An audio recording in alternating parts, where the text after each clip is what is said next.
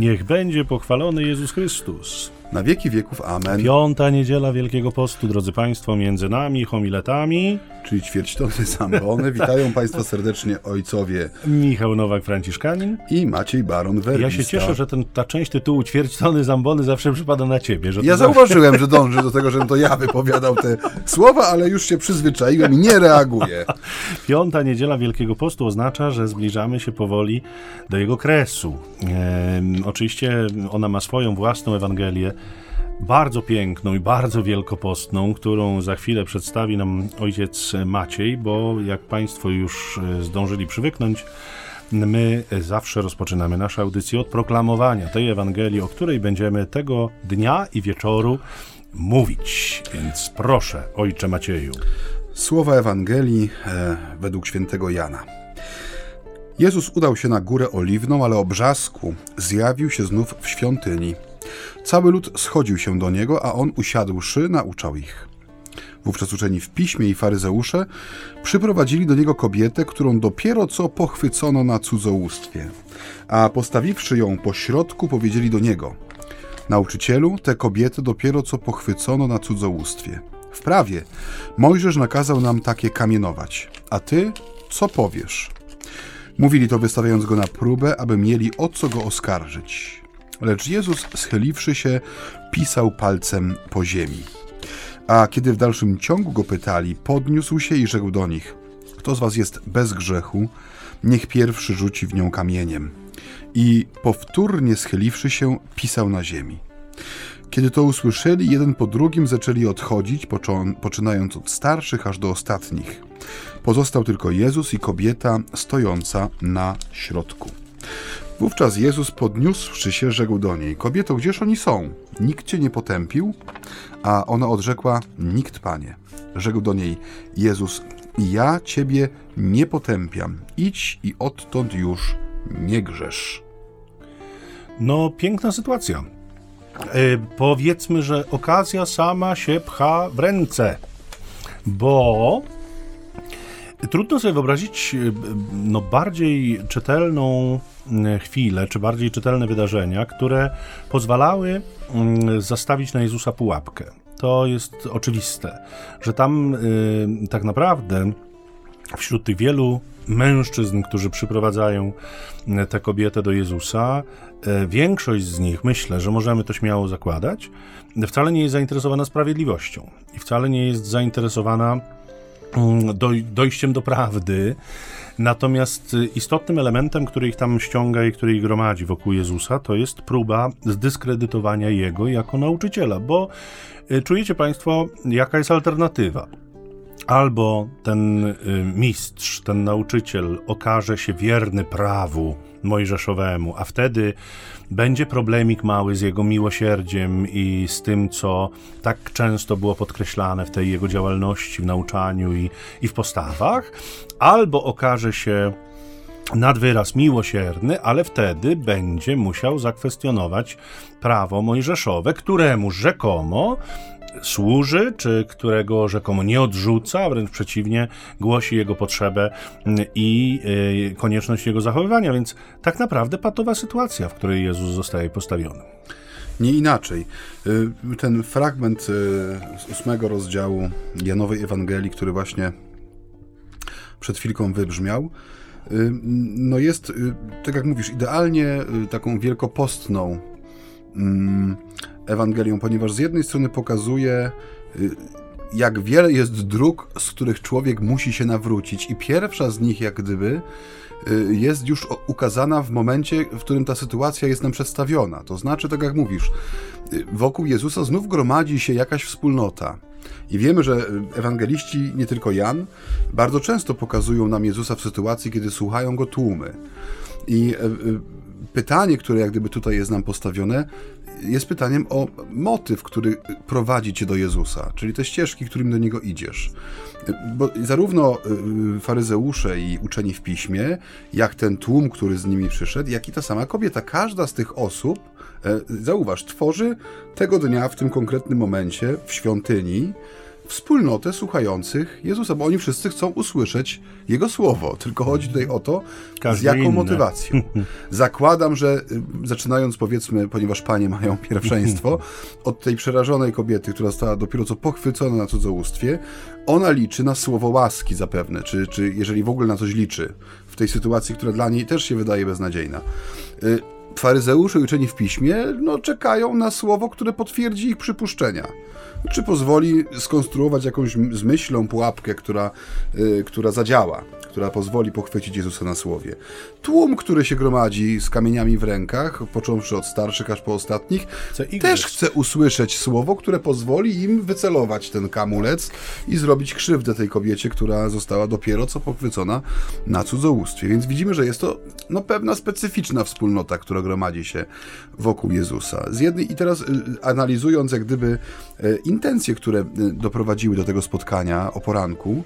Widzimy, że też bardzo ładnie Jan tutaj pokazuje, jak gdyby y, rysując w jednym zdaniu ten kontekst, że o poranku Jezus wchodzi do świątyni, czyli obrzasku. E, kiedy słońce podnosi się nad horyzont, on wchodzi do świątyni. Czyli tak bardzo symbolicznie, bo u Jana bardzo często jest ta gra między światłem, ciemnością, życiem a śmiercią e, to Boże prawo, które w Jezusie się wypełnia i jest skuteczne, rzeczywiście wraz z Jego osobą wchodzi w tą przestrzeń świątyni, jest tam obecny i działa. I działa, jest skuteczne. I skuteczność jak gdyby tego Bożego prawa, y, które Jezus jako jedyny ma prawo nie tylko interpretować, ale być jego wypełnieniem, no pokazuje nam y, Jan Ewangelista w tej y, bardzo takiej no wyraźnej scenie. Ona, ona jest taka bardzo filmowa, byśmy powiedzieli dzisiejszym językiem, niemalże gotowy scenariusz, nachwytający za serce i przykuwający oko widza moment w życiu tej kobiety, w życiu tej wspólnoty, w życiu uczonych, faryzeuszów i tego tłumu gapiów, który tam e, wokół Jezusa się zgromadził. Tak, i y, to prawo, tak o, o, nim sobie myślę, bo oczywiście odwołanie do tego przepisu mojżeszowego wśród tych, którzy przeprowadzili tę kobietę, dotyczy cudzołóstwa, które się dokonało w mieście, bo gdyby E, prawda, cudzołóstwo dokonywało się poza miastem, no to można by zakładać, że kobieta krzyczała, a nikt jej nie słyszał. Natomiast dokonujące się w mieście, e, no, wyklucza Mimo, sytuację... że skryte jest na widoku. Tak, tak, to wyklucza sytuację taką, że, że krzyczała, no bo na pewno by ktoś ją usłyszał, ale zastanawia oczywiście nieobecność tego, który z nią cudzołożył, bo ona sama nie cudzołożyła.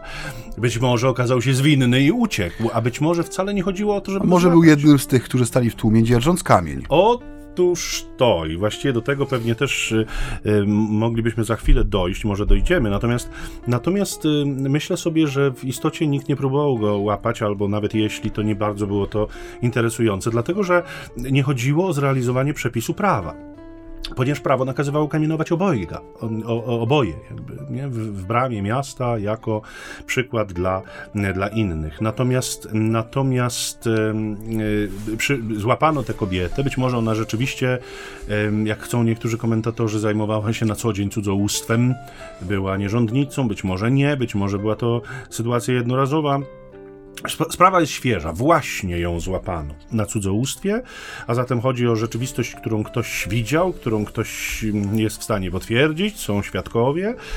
Natomiast y, ja mam taką myśl w ogóle odnoszącą się y, do prawa, o którym Jezus niejednokrotnie zresztą mówił. Potem święty Paweł nam to wyjaśni, że prawo jest wychowawcą. Prawo nie może nas zbawić ostatecznie. Prawo doprowadza nas do pewnego momentu, tak jak w przypadku tej kobiety, w którym wszystko się kończy, bo ją trzeba zabić. W tym momencie prawo mówi, że ją trzeba zabić. Dla niej jakby nie ma już szansy, nie ma już nadziei, nie, nie ma już niczego. I w tym w moim odczuciu tu bardzo widać mocno, jak Jezus przekracza prawo jak sam mówi, że to prawo przyszedł wypełnić, zrealizować, ale widać wyraźnie, że on je przekracza w tym kontekście, że on jest Bogiem życia, on jest Bogiem kolejnej szansy, on jest Bogiem cierpliwości, on jest Bogiem, który nie przyszedł y, y, głosić, nie wiem, zniszczenia, śmierci, katastrofy, końca, kresu. Wręcz przeciwnie, przyszedł przemienić ten kres, który jest zwiastowany przez prawo, dochodzimy do pewnych granic. Mhm. Jezus te granice jakby przesuwa. Nie? Jezus te granice rozszerza. Jeśli mogę nieco polemicznie tutaj Proszę bardzo. wtrącić. Otóż y, użyłeś zdania, które mm, y, no bardzo często się pojawia, że, ta, że życie tej kobiety było mm, zagrożone. I jest to troszkę nadinterpretacja y, tej prostej mhm. sytuacji tutaj skądinąd, ponieważ o ile prawo nakazuje kamienowanie, to kiedy y, poczytamy sobie znów moje ulubione komentarze, mhm. okazuje się, że nie była to sytuacja tak bardzo oczywista. To znaczy, y, no Żydzi, mimo że mieli to przywiązanie do prawa i mieli świadomość, jak gdyby, z czym jest związane przekraczanie przepisów prawa, no mówiąc tak bardzo kolokwialnie, nie byli głupi. I bardzo często tymi, na których spadała kara za cudzołóstwo, nie była osoba pochwycona na tym cudzołóstwie, czy jej partner, ale dzieci. Chodziło o to, że y, skutkiem kamienowania nie zawsze była śmierć osoby jemu poddanej. Bardziej chodziło, tak jak mówisz, o element widowiska. Znaczy była pewna sytuacja, która była widoczna. Ciskanie kamieni na osobę, która stała w bramie chociażby, czyli była widoczna. Ona była w tym momencie poddawana takiemu sądowi społecznemu, który ją wykluczał ze wspólnoty. Ona była obrzucona kamieniem, ona była naznaczona, nastygmatyzowana i jej dzieci no, zyskiwały automatycznie miano, no wiadomo jakie. E, I już to samo w sobie, oczywiście nie wyklucza się sytuacji, w których rzeczywiście na skutek kamienowania osoba zeszła z tego świata, ale sam fakt, tak jak mówisz, tutaj była jakaś taka y, fałszywa dążność do wypełnienia przepisu prawa, który miał swoje konsekwencje. Ta osoba, która była poddana tej karze kamienowania na skutek cudzołóstwa, ona była społecznie napiętnowana, ona stawała się społecznie osobą martwą. Y, w sensie, mimo że prowadziła dalej życie, ona je prowadziła ze szczególną pieczątką moralności, a właściwie jej braku, która to pieczątka była widoczna dla wszystkich, tak jak mówisz, no w mieście momentalnie taka sytuacja się rozchodziła, że ta oto pani X jest od dzisiaj publicznie nazwana, opieczętowana i wpuszczona w obieg niejako z powrotem, ale już z tym y, no, przykrym dosyć znamieniem. To samo tyczy się jej bliskich, najczęściej dzieci. I e, tutaj też jest jak gdyby cały dramat tej sytuacji, bo może po ludzku lepiej by było dla kobiety, żeby ona rzeczywiście zeszła z tego świata, niż miała dźwigać to brzemię, tym bardziej, że tak jak słusznie zauważyłeś, nic nie jest powiedziane o tym, e, z kim ona popełniła cudzołóstwo, a prawo wymagało dwóch świadków tego czynu, wykluczając męża. Czyli mąż nie mógł oskarżyć własnej żony sam z siebie, że oto na przykład ją przyłapał. Musiało być dwóch świadków z zewnątrz. Ten tłum, który się pojawił, prawdopodobnie jest potwierdzeniem, że ta sytuacja miała miejsce. Ale A. Uciekł współwinny tego czynu i B. No ta kobieta, mówiona już jest martwa, w tym sensie, że ona jest społecznie jest przekreślona. Ona ma swoją etykietkę, której się już nigdy prawdopodobnie znając ludzką życzliwość no tak. i gotowość do powielania tych etykiet, które sobie przyklejamy, ona już jest nie do zdjęcia. I tym bardziej jak gdyby się uwidacznia to, co robi Jezus, tak jak mówisz, że jest Panem życia, nie tylko tego życia przyszłego, życia wiecznego, ale też życia doczesnego, bo on dokonuje czegoś więcej niż tylko uratowania jej przed nieprzyjemnym doświadczeniem, kiedy to kamień y, wchodzi w kontakt bezpośredni z ciałem człowieka, ale on ją przywraca wspólnocie bo nie dochodzi do, tego, do tej sytuacji kamienowania. Ten znak publicznego poniżenia i pogardy nie ma miejsca. Te kamienie wypadają z rąk, tłum się rozchodzi. Więc on ratuje jak gdyby o wiele głębiej niż tylko i wyłącznie od tej śmierci fizycznej, bo on ratuje od tej śmierci, którą my sobie potrafimy zadawać w relacjach, poprzez wykluczenie różnego rodzaju pieczątki, stygmaty, obelgi, którymi się tak potrafimy niekiedy szczodrze mm. obdarzać przy byle okazji. E, także tu też jest jak gdyby geniusz Jezusa pokazany, geniusz Ewangelii, geniusz tego, co on robi z prawem, e, w sensie pokazując jego prawdziwą siłę i naturę też prawa, że prawo jest dla ochrony życia, a nie dla jego Przemoc, unicestwienia. Tak, tak. To ten przemocowy wątek bardzo mocno tutaj widać. Co Jezus pisze po tym piasku, kiedy pisze? Dotykasz tutaj bardzo lubianego przeze mnie momentu. Mianowicie y, Prawdopodobnie na dziedzińcu świątyni, e, no, miejscami, tak jak dzisiaj to mamy okazję oglądać w, w tym klimacie, no, był swego rodzaju pył i proch, e, niekoniecznie piasek. Brud ziemi, e, można to tak przetłumaczyć bardzo dosłownie. Kiedy weźmiemy do ręki znów, ja, tak jak mówię, Ewangelia i Jezus też pokazują nam spójność całego objawienia. Kiedy weźmiemy do ręki mm, Księgę Rodzaju, i przeczytamy sobie jeden z dwóch opisów stworzenia człowieka, kiedy Pan Bóg e, nie tylko jak gdyby lepi e, człowieka na swój obraz i podobieństwo, ale wypisuje w nim swoje prawo, swoją miłość, naturę ludzką, która jest tym odbiciem Stwórcy. On pisze palcem po tym prochu ziemi. I tutaj dla mnie to jest no, przepiękny moment, jak gdyby spinający też tą Księgę Rodzaju z, z Ewangelią, czyli początek z końcem objawienia, kiedy pokazuje się to, że Bóg jest stwórcą, który jest cały czas obecny w pośrodku swego stworzenia jak gdyby Jezus piszący, my się często właśnie, często można spotkać, że co tam było napisane. A. Czy Jezus potrafił pisać w ogóle, tak. nie? Czy Na było, pewno pisał imiona tych, którzy z nią grzeszyli. Grzeszyli, albo no różne tak. interpretacje. Dla albo mnie to jest grzechy wypisywał. Gest, tak. sam kontakt tego palca Bożego, który jest, bo ewangelista znaczy, że pisze palcem Bożym. Palec Boży w, jako zwrot, jako fraza jest y, pokazaniem tej mocy Bożej, która działa w stworzeniu.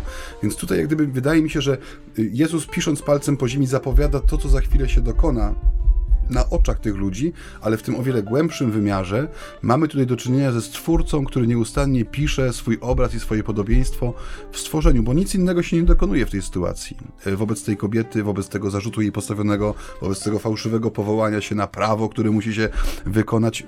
Pan Bóg sobie z tego nic nie robi. On cały czas tą swoją grudkę ziemi, którą podniósł, w którą chuchnął swoje tchnienie i w której wypisał swój obraz i swoje podobieństwo, on to nieustannie w nas czyni. I tym, y, tym y, pisaniem to jest jakby pierwszy element taki rozbrajający chyba, nie? że jakby ci ludzie, y, to jest takie, ja mam takie wrażenie, jakby Jezus był trochę nieobecny. Nie? Na zasadzie, że przyprowadzają mu tę kobietę, oczywiście tłum jest nabuzowany emocjami, energią, krzyki, wrzaski. No i tu domaga się to wszystko jakiejś reakcji i, e, i w zasadzie potrzeba tylko jednej iskry, żeby te kamienie, tak jak powiedziałeś, poleciały. No a żeby ten tłum jakoś powstrzymać, to pewnie trzeba by jakiegoś guru, który by rzeczywiście zapanował nad tym, jak te sceniczne nasze e, zwierzaki, które potrafią z tej sceny nad tym milionowym, falującym tłumem panować e, poprzez wypowiedzenie jednego słowa, czy jakiegoś jednego gestu, zrobienie jednego gestu. Jezus się tak nie zachowuje. Jezus nie. Jest, Jezusa nie ma, jest jakby nieobecny. I oni, i, i, okazuje się, że to jest chyba y, taki znakomity sposób na rozbrojenie tłumu, bo oni są skonfudowani, oni nie wiedzą, co się dzieje, no jak tu zareagować, bo właściwie on pytanie jest jasne, klarowne, a on na nie nie odpowiada w żaden sposób i właściwie nie wiadomo, czy, co, co dalej z tym zrobić, co dalej z tym faktem. Ta Ewangelia jest wybitnie wielkopostna także z tego powodu, że y, to zachowanie Jezusa, jego pozorna nieobecność, to, to schylenie się, pisanie sobie palcem po ziemi, które jest, można odczytać jako taki gest lekceważenia też, prawda? 39 groszy względem mm. tego tłumu, który przychodzi z tym żądaniem sprawiedliwości, aby się ona dokonała, ale ona też jest y, bardzo doskonale wielkopostny z drugiego powodu, y, mm, który jest dzisiaj bardzo ważny. Zauważ, że mm, taką wielką pokusą żywą w kościele jest to, co się na naszych studiach homiletycznych też nazywało takim moralizatorstwem, mm czyli mówieniem do człowieka z pewnej pozycji wyższości. Nawet jeśli ona jest do końca nieuświadomiona, to takie ta, tak zwane tanie moralizowanie, czyli mówienie jak powinno być. I my powinniśmy. I, a, tak, i my powinniśmy, albo ty powinieneś, bo ja ci tak mówię, ponieważ ja wiem lepiej, albo czuję się lepszy od ciebie. Gdzieś tutaj no, jest ta sytuacja bardzo aktualna, jeżeli chodzi o tą Ewangelię dzisiejszej niedzieli i nasz, yy, nasz sposób bycia, nasz sposób patrzenia.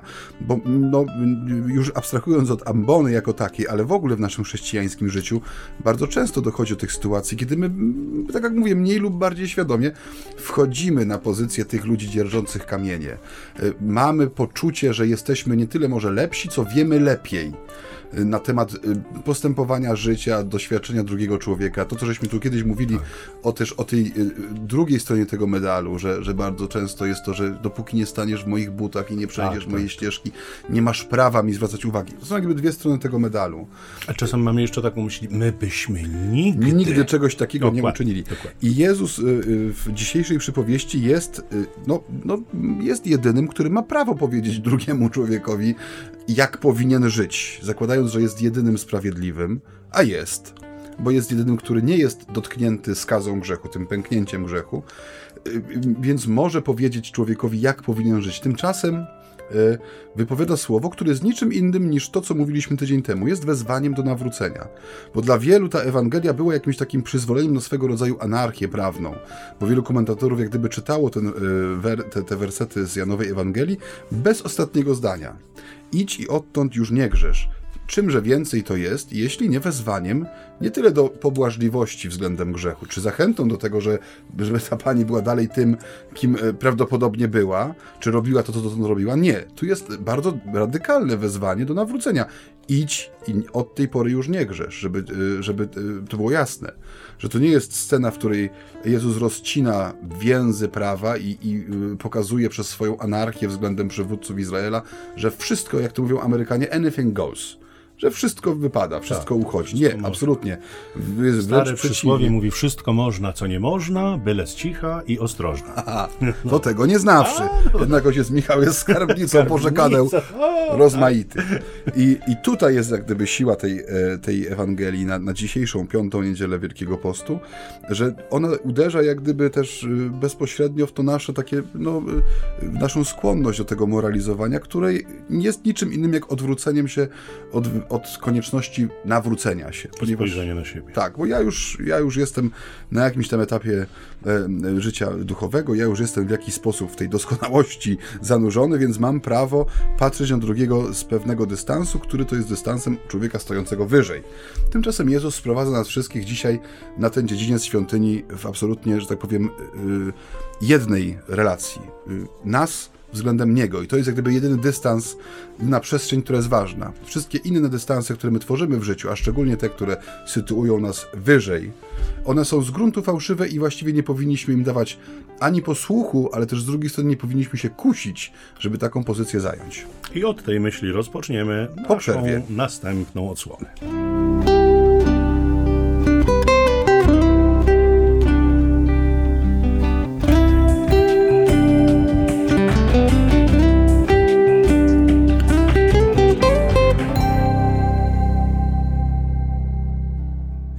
I oto jesteśmy z powrotem. Drodzy Państwo, wspominałem, że zaczniemy następną naszą odsłonę od tej myśli o powszechnej grzeszności, bo ja też bardzo mocno zwracam uwagę w tej Ewangelii, jak ją czytam, na to, że Jezus uzmysławia tym wszystkim, którzy przyszli, że my mamy wspólną ludzką naturę, że e, nasza twórczość, jeśli chodzi o e, grzech, jest ograniczona. Ona nie jest wcale nieograniczona. Ja tak anegdotycznie wspomnę jedną, jedną z wypowiedzi jednego z naszych starszych ojców, który zwykł mawiać, że po grzechu pierworodnym już niczego oryginalnego nie wymyślono. Wszystko już było pochodną grzechu pierworodnego. I my oczywiście możemy te różne grzechy, które istnieją, powiedzmy, wykorzystywać, popełniać, popadać w nie ale tak naprawdę wynika to tylko i wyłącznie z tego, że my jesteśmy natury grzesznej, słabej, ludzkiej. Mm, I my sobie technicznie te grzechy dzielimy na ciężkie i lekkie. Na takie, które nas oddzielają od Boga ostatecznie, i na takie, które nas nie oddzielają. Ale w istocie grzech, przypominamy to przez no, już kawał Wielkiego Postu, jest świadomym, i dobrowolnym odwróceniem się od Boga, albo w rzeczy ważnej, albo w rzeczy mniej ważnej, ale niewątpliwie co do istoty, każdy grzech jest jakąś obrazą Boga, jest jakimś, jakąś, jakąś tajemnicą nieprawości. Czy to jest grzech, który jest bardziej widoczny, czy to jest grzech, który wydaje nam się być bardziej gorszący, czy to jest grzech, który w naszym zdaniem ma y, dużo bardziej destrukcyjne znaczenie, czy też jest odwrotnie i wydaje nam się, że ten grzech jest jakiś taki nieszczególny i nieznaczący. Przed Bogiem wszyscy mamy kondycję grzeszną i On na nas patrzy jak na swoje dzieci grzeszne. I on nas nie kocha dlatego, że my jesteśmy tacy cudowni i fantastyczni, tylko kocha nas mimo tego, i to warto sobie zauważyć, że jesteśmy częstokroć do niczego, że zawodzimy, że jesteśmy grzesznikami. On nas kocha mimo tego, mimo naszego grzechu i kocha dokładnie tak samo mm, e, e, tę kobietę cudzołożną, którą przyprowadzono w kontekście jej grzechu, który akurat wyszedł na wierzch, jak i tych, którzy trzymali w rączkach kamienie, a może już jeden szykował się do Zawsze prowodry był tam taki przewodniczący całej liturgii kamienowania, który miał kamień największy i tym kamieniem kończył sprawę, zrzucając go na czaszkę delikwenta. E, więc być może już tam jeden któryś trzymał ten głaz i tak sprawa się przedłużała, a jemu się robiło coraz Ręce mu cierpły. I dokładnie. Żyłka mu wystąpiła na czole. Dokładnie. A y, y, Pan widział także jego grzechy, także te, których y, świat nie widział, te, które nie ukazały się na zewnątrz, a mimo wszystko kochał wszystkich. Y, pięknie widzę, że tutaj dzisiaj y, współpracujemy myślowo, pewnie jakaś komunikacja między nami zachodzi po tych kablach radiowych. Możliwe. Bo y, y, moja myśl, kiedy czytałem sobie ten tekst i szukałem jak gdyby tych sensów, które można by wydobyć też y, na czas Wielkiego Postu, ale też na czas naszego życia, y, że tak powiem, w oderwaniu od wszystkich okresów po prostu ludzkiego życia, no największym głodem człowieka jest, był i będzie głód miłości. E, I, I, to jest prawda, z którą nie ma co polemizować, no bo, no bo tak mhm. jest.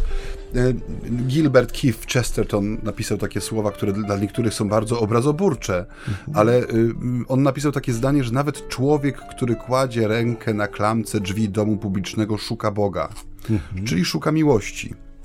I y, no, człowiek ma, no, w tym jesteśmy kreatywni, że my mamy właściwie niespożyty y, arsenał środków, którymi usiłujemy ten podstawowy głód w sobie zaspokoić. I tu nie chodzi mi już tylko i wyłącznie o jakieś absolutnie grzeszne rzeczy, ale zauważ, że y, kiedy dzisiaj rozmawia się z ludźmi, którzy mm, mają w sobie tę odwagę, żeby dzielić, niekoniecznie przez powiedzi, tylko w ogóle dzielić się swoim życiem, mm, bardzo często wiele z tych rzeczy, których opisuję jako trudności, jako przeciwności, można sprowadzić do jednego wspólnego mianownika, że jest to e, brak miłości, bo e, no, my ludzie kochamy często interesownie.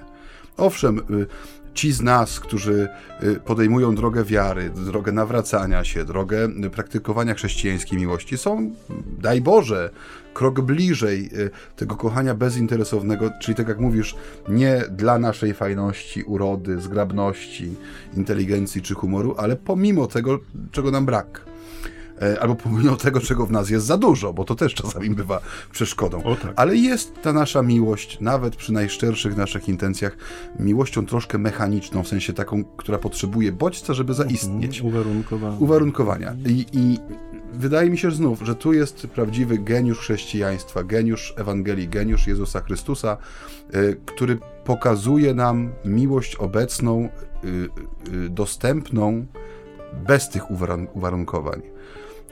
I, I, jak, gdyby, jak gdyby cały ten nasz potencjał, tutaj mówię już do ciebie jako do kaznodziei i do siebie jako do do kaznodziei i do księdza, że jak gdyby cały ten trud naszej pracy, ewangelizacji, czy też radość tej ewangelizacji i pracy powinien polegać na tym, żeby uświadamiać człowiekowi tą miłość, która jest uprzednia. Ona jest przed wszystkimi ludzkimi e, uwarunkowaniami, warunkami, które trzeba spełnić albo których nie trzeba spełniać, która jest e, naprawdę pierwszą odpowiedzią na ten głód człowieka, a często jest odpowiedzią po ludzku ostatnią, kiedy już wyczerpiemy wszelkie inne e, możliwości zaspokojenia tego głodu w sobie, bo ten głód jest dojmujący, on bywa bolesny, on bywa wyniszczający, on bywa właśnie też często no, takim, takim głodem, który potrafi nas sprowadzić do sytuacji chociażby takich, jak mówiliśmy to w zeszłym tygodniu, czyli tej, tej, tej, tego chlewa i tego bycia absolutnie wydanym na pastwę własnego głodu. E, więc e, tu jest jak gdyby to, to piękno dzisiejszej Ewangelii i ten, i ten moment, w którym warto się zatrzymać. Tak, tak. I to jest jakby też w kontekście tej ubiegłotygodniowej Ewangelii o synu marnotrawnym to spotkanie y, tej kobiety z miłującym Jezusem jest też bardzo wymowne i, i niezwykle piękne. Zobaczcie Państwo, że podobnie jak ojciec wobec syna marnotrawnego, co, co Maciej pod, jakby podkreślał w zeszłym tygodniu, nie stosuje mm, tych ludzkich rozwiązań, które domagałyby się reprymendy przynajmniej, em, jakiegoś takiego pytania, no i co? I co? Poszalało się, tak? No i A co? teraz się śmierdzi. A teraz, no, ha, hmm, no. Y, Jezus niczego takiego nie stosuje również wobec tej kobiety. Zauważcie, że, że jakby on nie pogłębia jej bólu. Nie? On nie dłubie palcem w tej otwartej ranie. To jest czasem, ja myślę, że tak no, uderzając się w, w, jakby w nasze mm, kapłańskie piersi, może nie w moje własne, bo, bo nie przypominam sobie, żebym coś takiego czynił, ale czasem słyszymy to w opowieściach ludzi, że w konfesjonale zwłaszcza, kiedy te najdelikatniejsze kwestie się porusza, powstaje takie wrażenie, jakby ksiądz dłubał palcem w otwartej ranie, jakby jeszcze ten ból pogłębiał przez swoje niedelikatne komentarze, czy przez jakieś właśnie takie, powiedzmy, no i co? I poszalało się, tak? Ironiczne jakieś, no, no y, y, pewnie takie rzeczy miewają też miejsce. Natomiast, natomiast Pan Jezus tego nie robi, nie? Nie, nie, nie dłubie w otwartej ranie palcem, nie pogłębia upokorzenia tej kobiety, nie pogłębia jej złego samopoczucia. Y, on już, on, on widzi, że ona już jest ukarana ja to jest, to wrócę do swojej myśli sprzed e, tygodnia czy dwóch, e, w której mówiłem, że w grzechu ukryta jest kara. Ona jakby już ją zna, ona już to upokorzenie gryzie. Już spadło na nią tak, to, co tak, miało spaść. Tak, więc, więc jakby tu nie ma potrzeby, żeby, żeby to pogłębiać, nie? żeby jeszcze bardziej dręczyć. To jest też ta, ta prawda, ja zawsze e, to podkreślam, drodzy, że w konfesjonale nie usłyszysz, kiedy przychodzisz i kiedy mówisz o tych swoich najdelikatniejszych, często bardzo bolesnych sytuacjach, nie usłyszysz od Pana Boga, idź do domu, przemyśl sprawę i wróć za dwa tygodnie, a ja się zastanowię, co z Tobą zrobić ani nie usłyszysz, y, nie wiem, sytuacji, y, gdyby ci się to jeszcze raz zdarzyło, to już nie wracaj, bo no ile można, nie? No, czas już chyba coś zmienić w swoim życiu. Owszem, Jezus ją e, zachęca, wzywa do nawrócenia, ale nie robi tego w taki sposób. Nie, nie stawia warunków tej miłości. On nie mówi ostatnia szansa, ostatni raz. Nie? Jest dobrym ogrodnikiem i wie, że figa, żeby zaowocować, potrzebuje przynajmniej trzech lat. O, a właśnie, miesiąca. wracamy do poprzedniej jeszcze jednej z Ewangelii. Ale to jest ta głęboka prawda o Jego miłości, nie? że On jakby nie złamie trzciny nadłamanej, On nie zgasi knota o nikłym płomyku, On wręcz przeciwnie e, pragnie to ocalić i jest to niewątpliwie jakieś wezwanie do nas duszpasterzy i to jeszcze raz powiem w kontekście nas, i naszego głoszenia, przepowiadania, naszego spowiadania. Obcujemy z niesłychanie delikatną materią, materią ludzkiego serca. Zdajemy sobie, drodzy Państwo, z tego sprawę. Myślę, że, że no większość z nas ma tę świadomość, że, że obcujemy z żywym człowiekiem, człowiekiem, który ma swoje uczucia, który ma swoje przeżycia, który ma swoje doświadczenia, który ma swoją historię i który ma swój grzech. My, rzecz jasna, mamy dokładnie to samo, też swoją historię, swoje doświadczenia i swój grzech. I spotykamy się w takiej perspektywie e, jakby pragnienia miłości Boga, w której on sam stawia nas y, w perspektywie jakichś zadań. My mamy zadania pasterskie, y, reszta kościoła, nasi wierni, parafianie, ci, którzy są powierzeni naszej pasterskiej trosce, mają swoje zadania, inne nieco. Natomiast wszyscy jesteśmy tej miłości spragnieni i to, co nam dzisiaj Jezus pokazuje, to to, że to jakby Jego obecność, Jego mm, spotkanie z Nim jest tą przestrzenią, w której ją z całą pewnością znajdziemy. Nie? To jest miłość, która nie osądza, miłość, która nie dręczy, nie pogłębia naszej e, jakby e, naszego przygnębienia i naszej, naszego stanu jakby upodlenia, tylko to jest miłość, która dźwiga. On, on pokazuje prawdę o człowieku, o każdym z nas, gdzie, gdzie niejednokrotnie znajdujemy się w takiej sytuacji w życiu, że już nie mamy siły się podnieść. Ta kobieta leży przed nim. Piękne są te przedstawienia niejednokrotnie właśnie na, na obrazach, czy, czy nawet ta scena z pasji kiedy, kiedy ta kobieta leży w prochu przed nim, nie? Rzuc, rzucona jakby w, w, ten proch ziemi. I ona nie ma odwagi się podnieść, ona nie ma siły się podnieść, tam nie ma w niej nic, co motywowałoby ją do dalszego życia. Ona wie, że za chwilę coś strasznego się wydarzy. A Jezus no właśnie, co robi Jezus? E, I bardzo fajnie znowu dopełniasz moją myśl. Cieszę się. Ponieważ, no, tak jak mówiliśmy, tym jednym z elementów e, przeżywania czasu Wielkiego Postu jest to nasze przygotowanie się do dobrej spowiedzi, do takiej spowiedzi, która będzie wyrazem e, tego, że zrozumieliśmy, czym jest ta postna droga, czyli że jest to odpowiedź na to wezwanie do nawracania się, czyli do tego, by być Jezusowym bardziej, by być bliżej tego, co On nam przynosi, tego, co nam objawia przede wszystkim Ojca. I to jest jakiś skarb Wielkiego Postu. Ale y, już y, koncentrując się na samym sakramencie pokuty, zauważ, że y, on się stał takim sakramentem trochę mm, idącym z duchem czasu, w tym sensie, że Bardzo często dzisiaj się można spotkać z takim twierdzeniem, że miejsce kościoła jest w kruchcie, nie? że nie powinniśmy się angażować w życie społeczne, polityczne. No różnego rodzaju są te zakazy, które stawia się przed tak zwanym kościołem, bardzo często zredukowanym z kolei do biskupów czy księży, czy słuchaczy jednej czy drugiej radiostacji. Tymczasem Ewangelia zadaje jak gdyby kłam takiemu myśleniu, ponieważ zauważ, co się dzieje. Ten y, moment, w którym, tak jak mówisz, ta kobieta jest rzucona w proch swojej winy i ona już jest wykluczona ze wspólnoty. Ona już jest napiętnowana w tym momencie pochwycenia I, i, i będzie musiała, czy myśli pewnie o tym, że będzie musiała, jeśli przeżyje tę próbę kamienia, y, borykać się z tym wykluczeniem.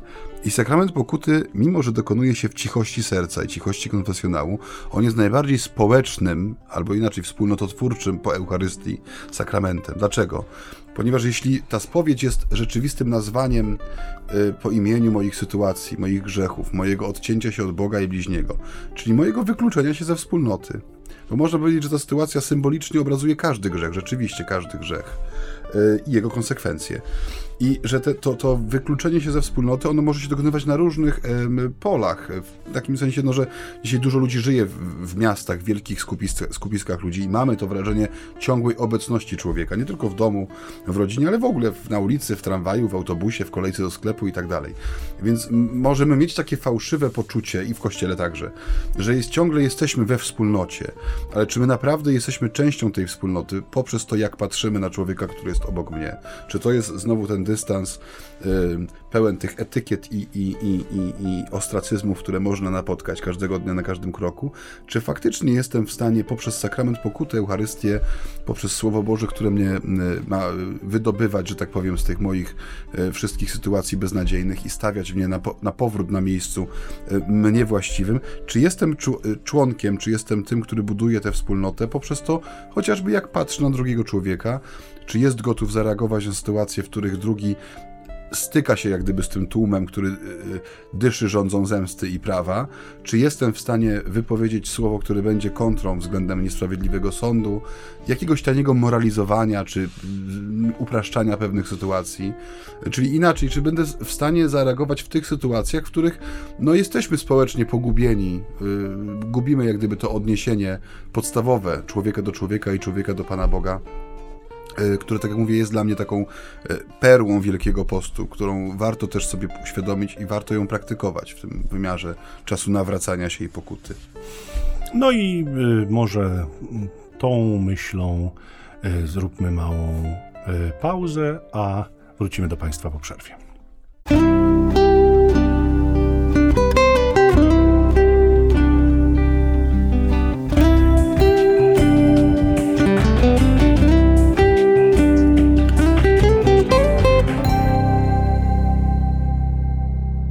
Drodzy Państwo, to my znowu jesteśmy z Wami. Jeszcze trzecia odsłona naszej audycji nas czeka. Ja bym chciał. Ym... Zadać mi pytanie? Nie. Myślałem. Ale sięgnąć do jeszcze innej opowieści ewangelicznej, odrobinę podobnej, choć nie tak dramatycznej. Rzecz dzieje się na uczcie w domu faryzeusza Szymona. Mhm. Kobieta, która wiedzie życie grzeszne, mhm. wpada do domu. E, i wyczynia przedziwne rzeczy. Płacze, ob, obmywa nogi Jezusa, namaszcza je olejem e, pachnącym, coś dziwnego.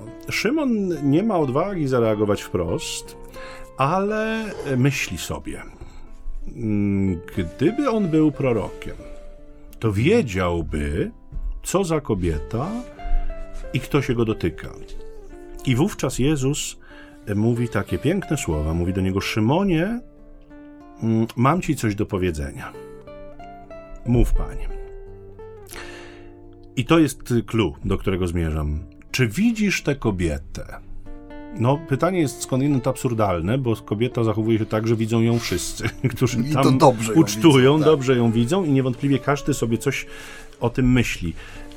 Czemu służy to pytanie? Nie? Czy widzisz tę kobietę? I myślę sobie, że dzisiaj Mm, jakby wybrzmiewa jeszcze głośniej niż wtedy, bo wtedy też ta odpowiedź wybrzmiewa, ale dzisiaj jeszcze głośniej wybrzmiewa. E, ta odpowiedź jest ukryta w pytaniu już. Czy widzisz tę kobietę, czy widzisz jej grzech? Bo Jezus dzisiaj w tej Ewangelii pokazuje, że on widzi człowieka w człowieku i ocala człowieka w człowieku i wydobywa człowieka z człowieka i nie patrzy na człowieka przez pryzmat jego grzechu. To znaczy, poziom naszego człowieczeństwa, z którym wiąże się poziom miłości Boga, jest absolutnie niezależny w oczach Boga od naszego grzechu. W tym sensie, że on oczywiście go nie relatywizuje i nie mówi, że on nie jest ważny, nie macha na niego ręką, ale Bóg nie może nas kochać mniej, dlatego że my grzeszymy. grzeszymy. Bóg nie jest w stanie nas przestać kochać, Bóg nie jest w stanie nas nienawidzić. Bóg zawsze będzie nienawidził grzechu. I Bóg y, y, jakby będzie przeciwko temu grzechowi występował, ale nie jest w stanie y, jakby okazywać nam mniejszej miłości, czy, czy kochać nas miłością mniejszą, bo jego miłość jest zawsze pełna, totalna, całkowita, nieogarniona i ile byśmy tam jeszcze przymiotów dla niej nie wynaleźli.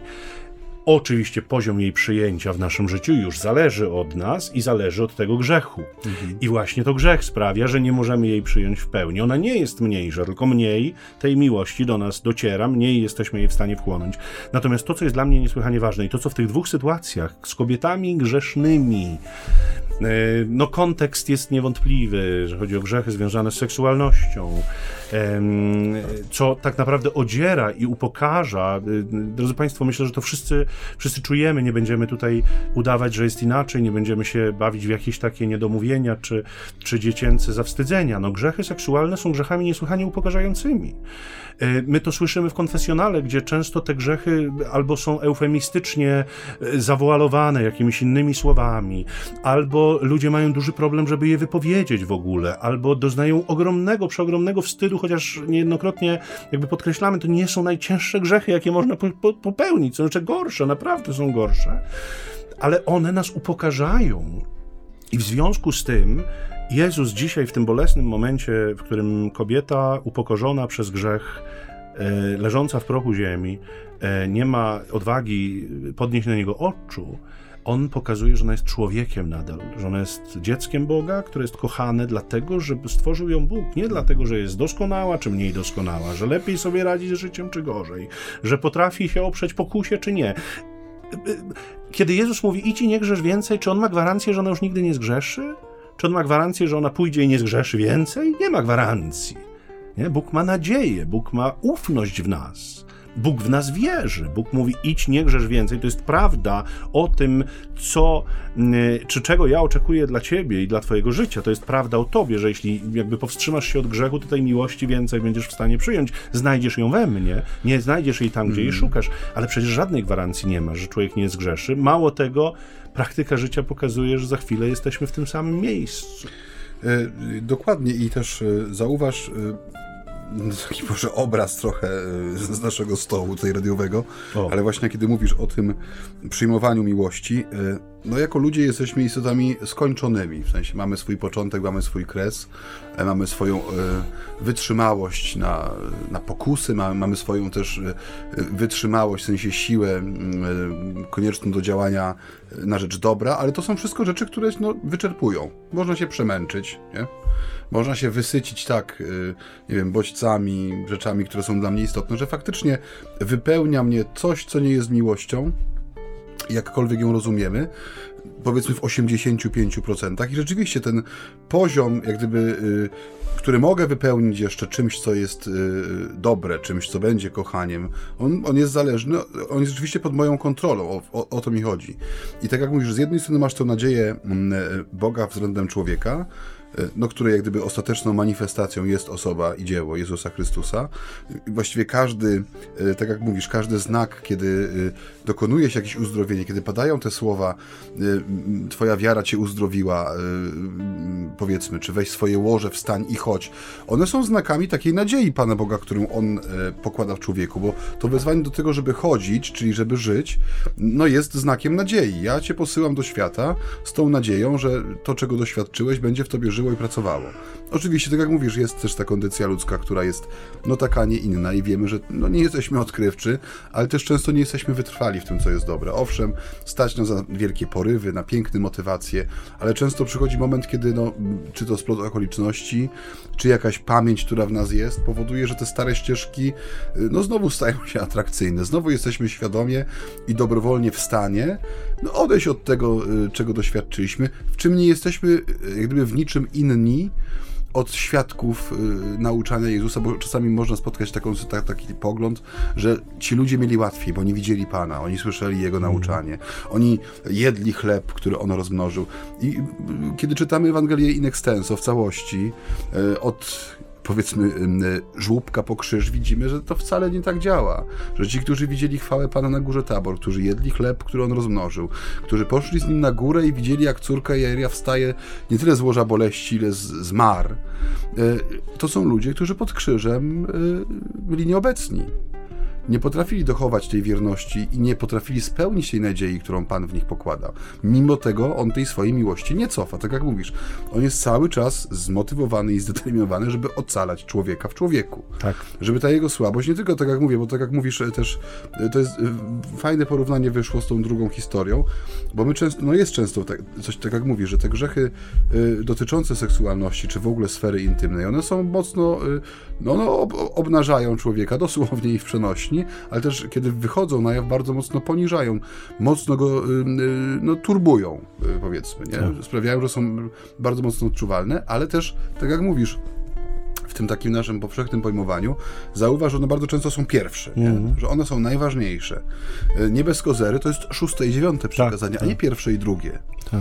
I kiedy się mówi o tym ludziom, y, z, oczywiście z zachowaniem wszystkich tych reguł delikatności też, żeby to nie było jakieś dłubanie paluchem tak, tak. otwartej ranie. No i relatywizowanie, to... nie? nie? Nie machamy ręką, nie mówimy, że to nie Absolutnie, jest problem. ale tak, też trzeba pokazać w pewnej perspektywie, tak, że ta sytuacja, którą Jan przynosi tutaj nam dzisiaj w swoim słowie, ona też pokazuje, że tu też się człowiek niewiele zmienia. Że dla nas dzisiaj, tak samo jak dla tej grupki, która staje przed Jezusem, jest pewne zaburzenie postrzegania rzeczywistości przez pryzmat szóstego i dziewiątego przykazania, że jak gdyby wszystko inne odchodzi na dalszy plan, to są te dwa czyny, które potrafią, czy dwa słupy, o które człowiek się zawsze rozbije.